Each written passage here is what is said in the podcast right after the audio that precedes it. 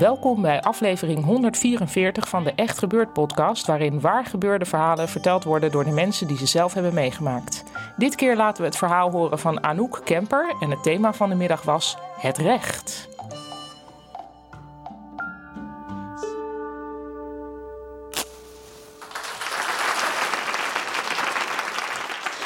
Uh, voor mijn verhaal, voor het begin van mijn verhaal, moeten we terug naar februari 2012. Toen woonde ik nog niet zo heel lang in Amsterdam. Ik had ook pas het studentenleven ontdekt. En vrienden van mij die vroegen: Hey Anouk, ga jij mee naar een feest in Rotterdam, naar Awakenings? En ik dacht: Ik weet niet wat het is, maar het klinkt heel vet als iets wat ik wil als student. Ik ga mee. Er was alleen één uh, obstakel. Uh, Awakenings was uitverkocht, dus ik moest op Marktplaats een kaartje kopen. En ik plaatste een oproep van: Hoi, ik zoek een kaartje voor dan en dan. Uh, wie heeft iets? En eigenlijk al na 10 minuten werd ik gebeld. Dus ik dacht, nou, dat gaat snel. En ik kreeg een meisje aan de telefoon, Nikita. En Nikita die klonk uh, ja, heel leuk, als een meisje van mijn leeftijd. Ze zei dat haar vriend ziek was, dus dat ze daarom niet naar het feestje konden. En ik zei, oh, maar wil je dan misschien uh, iets meer geld voor het kaartje? Want ik snap dat dit vervelend is. Nee, dat hoefde allemaal niet. Dat was echt niet nodig, dus dat vond ik heel fijn. Um, terwijl ik nog met haar aan het bellen was, maakte ik geld naar haar over. En ze zei: Oké, ja, ik heb het binnen, ik heb het nu binnen. Ik zei: Oké, ik heb het kaartje nog niet, want ik zat naar mijn mailbox te kijken. Uh, zei: Nee, maar het is een groot bestand, uh, dat duurt eventjes. Nou, en zo zaten we allebei naar een computerscherm te kijken, stel ik me zo voor. En het kaartje kwam niet. Dus ik zei: Ik heb het nog steeds niet. En toen hing ze op. Toen dacht ik, hmm, Nikita, volgens mij ben jij niet helemaal eerlijk geweest. Ik probeerde een aantal keer terug te bellen. Ze nam niet meer op. Ik heb ge-sms, ze nam niet op. En toen had ik door, aha, ik ben opgelicht via Marktplaats. Um, ik besloot aangifte te doen. Ik wilde het er niet bij laten zitten. Ik was toch 30 euro kwijt. Vond ik erg veel geld als student. En uh, ja, het was mijn 30 euro. En ik zal niet rusten voor ik die 30 euro weer terug had.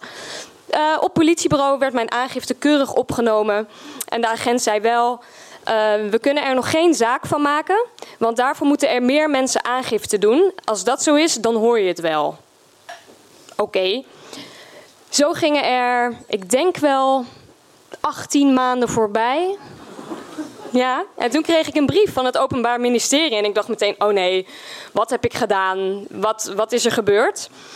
Uh, maar in de brief stond dat er nu een zaak werd aangespannen tegen Nikita B. Um, omdat zij zeer veel mensen had opgelicht. Dus ik begon even te googelen. En inderdaad, fora vol over Nikita B. Ze was te vinden op radar.nl, opgelicht.nl, opgelicht via marktplaats.nl. Ik kwam echt in een wereld van schimmige internetoplichting. Dat was best wel uh, leuk. Maar aan de andere kant dacht ik, ja, inderdaad, Nikita heeft ooit mij 30 euro afhandig gemaakt. En elke keer als ik dan ergens boodschappen deed of ik kocht iets en het kostte 30 euro, dacht ik, oh ja, die 30 euro. Dus ik was heel blij dat er, dat er een zaak uh, werd aangespannen. Er ging weer een hele poos voorbij, ik denk een half jaar, minstens, opnieuw een brief. Of ik op de hoogte gehouden wilde worden. Nee, niet of ik op de hoogte gehouden wilde worden. Of ik de schade op haar wilde verhalen. Ja, sowieso wilde ik dat, want uh, het zat me allemaal nog ontzettend dwars, elke keer als ik eraan dacht. Dus uh, ik uh, gaf keurig aan op de brief, ja, dat wil ik. Opnieuw gaat er een hele, hele poos voorbij. we zijn inmiddels aanbeland in voorjaar 2015. En ik krijg een brief opnieuw van het Openbaar Ministerie waarin staat dat de zaak in hoger beroep gaat dienen. Of ik daarbij wil zijn in Amsterdam. Ja, daar wil ik heel graag bij zijn. Ik denk, ik wil dat monster nu wel eens in de ogen kijken. Die vrouw die uh, mensen zomaar duizenden euro's heeft afgetroggeld. Um, dus op die bewuste dag in uh, nou, voorjaar 2015 ga ik daar naartoe. Samen met een vriend. En we, ja, we, zijn, we hebben er zin in. We zijn ook een beetje weer opgeladen. Zo, we zijn kwaad. We willen dat het, uh, het recht, dat het, um, nou, rechtvaardigheid willen we. En we komen aan in de rechtszaal. Het is allemaal heel, ja, zoals je het je voorstelt. Veel glas, staal, mannen in toga. Ik meld me, meld me bij de balie en uh, ik zeg, kom voor de zaak van Nikita B. En de griffie zegt, aha, u bent een benadeelde? Ik denk, ja, inderdaad, ik ben een benadeelde. Echt een supergoeie term. Ik ben een benadeelde. Nou, ik kom aan bij de plek waar de andere benadeelden zitten. Het zijn er ongeveer twintig en iedereen zit zo. Dus dat is, uh, dat is leuk binnenkomen. En we beginnen een beetje zo met elkaar te praten. Van voor hoeveel geld ben jij opgelicht? Nou, de een voor 280 euro, de ander voor 500 euro. En iedereen is heel erg boos. Op dat moment komt er een vrij dunnige meneer naar ons toe. Um, een wat oudere man, gedistingeerde man. En hij zegt: uh, Hallo, hallo allemaal, ik ben uh, die en die. Ik ben de raadsman van Nikita B. En wij zo: Oh, oké, okay, vijand. Um, Nikita zit daar en ze is ontzettend zenuwachtig. Vinden jullie het goed als ze alvast even een handje komt geven?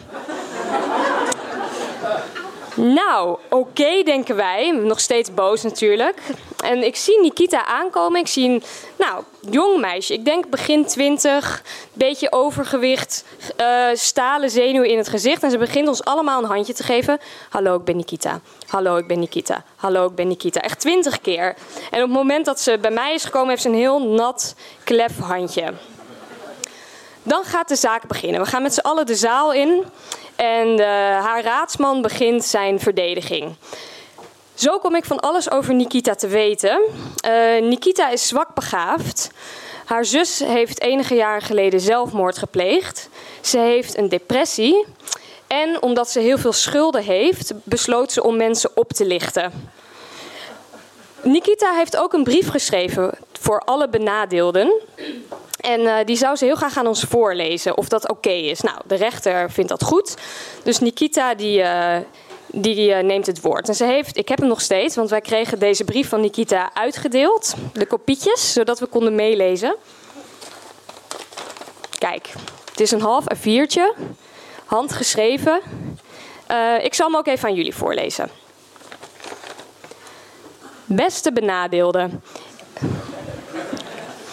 Ik wil graag opnieuw van dit moment gebruik maken, net als bij de vorige zitting, blijkbaar was er een vorige zitting, om mijn diep gemeende excuses te maken aan u allen.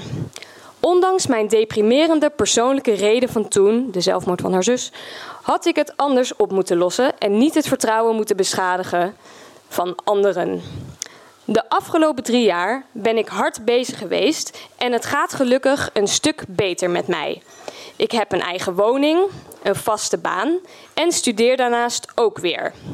Ik zit in de schuldhulpverlening en volg wekelijks therapie. En vooral met de volle overtuiging dat ik met deze goede hulp van de afgelopen jaren en op eigen kracht iets goeds van mijn leven kan maken, zonder andere mensen daarbij te benadelen. Mijn belofte, één belofte is daarbij belangrijk. Ik zal ieder van jullie tot de laatste cent terugbetalen. Nou, dan zegt haar raadsman nog dat Nikita heel erg hoopt dat ze geen uh, gevangenisstraf krijgt. Dat ze wel het uh, heel erg redelijk zou vinden als ze een werkstraf krijgt. En uh, nou, daarmee is de zaak op dat moment afgesloten voor ons. Niet afgesloten, maar de, de rechtszaak is ten einde op die manier. Um, nou, ik, met die vriend loop ik naar buiten en we gaan nog ergens koffie drinken. En we zitten daar ons een beetje hoogopgeleid, rijk en uh, bevooroordeeld te voelen. Dat voelt toch wel een beetje ongemakkelijk. En eigenlijk hopen we op dat moment het beste voor Nikita. Maar goed, zoals het gaat uh, in de Nederlandse rechtsstaat, duurt het weer een aantal weken, volgens mij zelfs een paar maanden, voordat ik de brief krijg met het vonnis. En op het moment dat ik die brief openmaak, denk ik, nou, ik, uh, ik ben benieuwd. Wat, wat zal het zijn met Nikita? En er staat... Um, Nikita is veroordeeld tot een onvoorwaardelijke gevangenisstraf van zes maanden. En ik denk alleen maar: oh ja, oké. Nou, ooit krijg ik nog 30 euro van Nikita.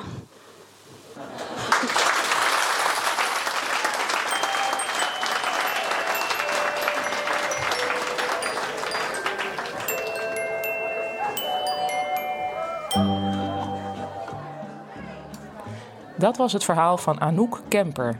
In augustus komt er een boek van haar uit dat ze samen met Lianne Marije Sanders en Suzette Hermsen schreef. En dat boek gaat over millennials en de titel is Zeik niet zo. Denk je nou, ik wil ook wel eens een keer een verhaal vertellen? Geef je dan vooral op en dat kan via www.echtgebeurd.net. We nodigen iedereen van harte uit en we begeleiden de verhalen altijd zorgvuldig. Komen luisteren kan ook, maar pas weer na de zomer. In september beginnen we weer en houd de website daarvoor in de gaten: www.echtgebeurd.net. Dat is hem. En daar kun je ook opgeven voor onze nieuwsbrief. Rest mij niets anders te zeggen dan laat een review achter op iTunes, want dat helpt ons. En wijs anderen op deze podcast via Facebook, Twitter, Instagram of doe eens gek en vertel iemand er gewoon over live. De redactie van Echt Gebeurd bestaat uit Maarten Westerveen, Rosa van Toledo, Micha Wertheim en mijzelf, Paulien Cornelissen. Rosa van Toledo doet ook de productie en de techniek is in handen van Nicolaas Vrijman. Dat was het weer. Tot de volgende podcast en bedenk goed wat je met je volgende 30 euro doet.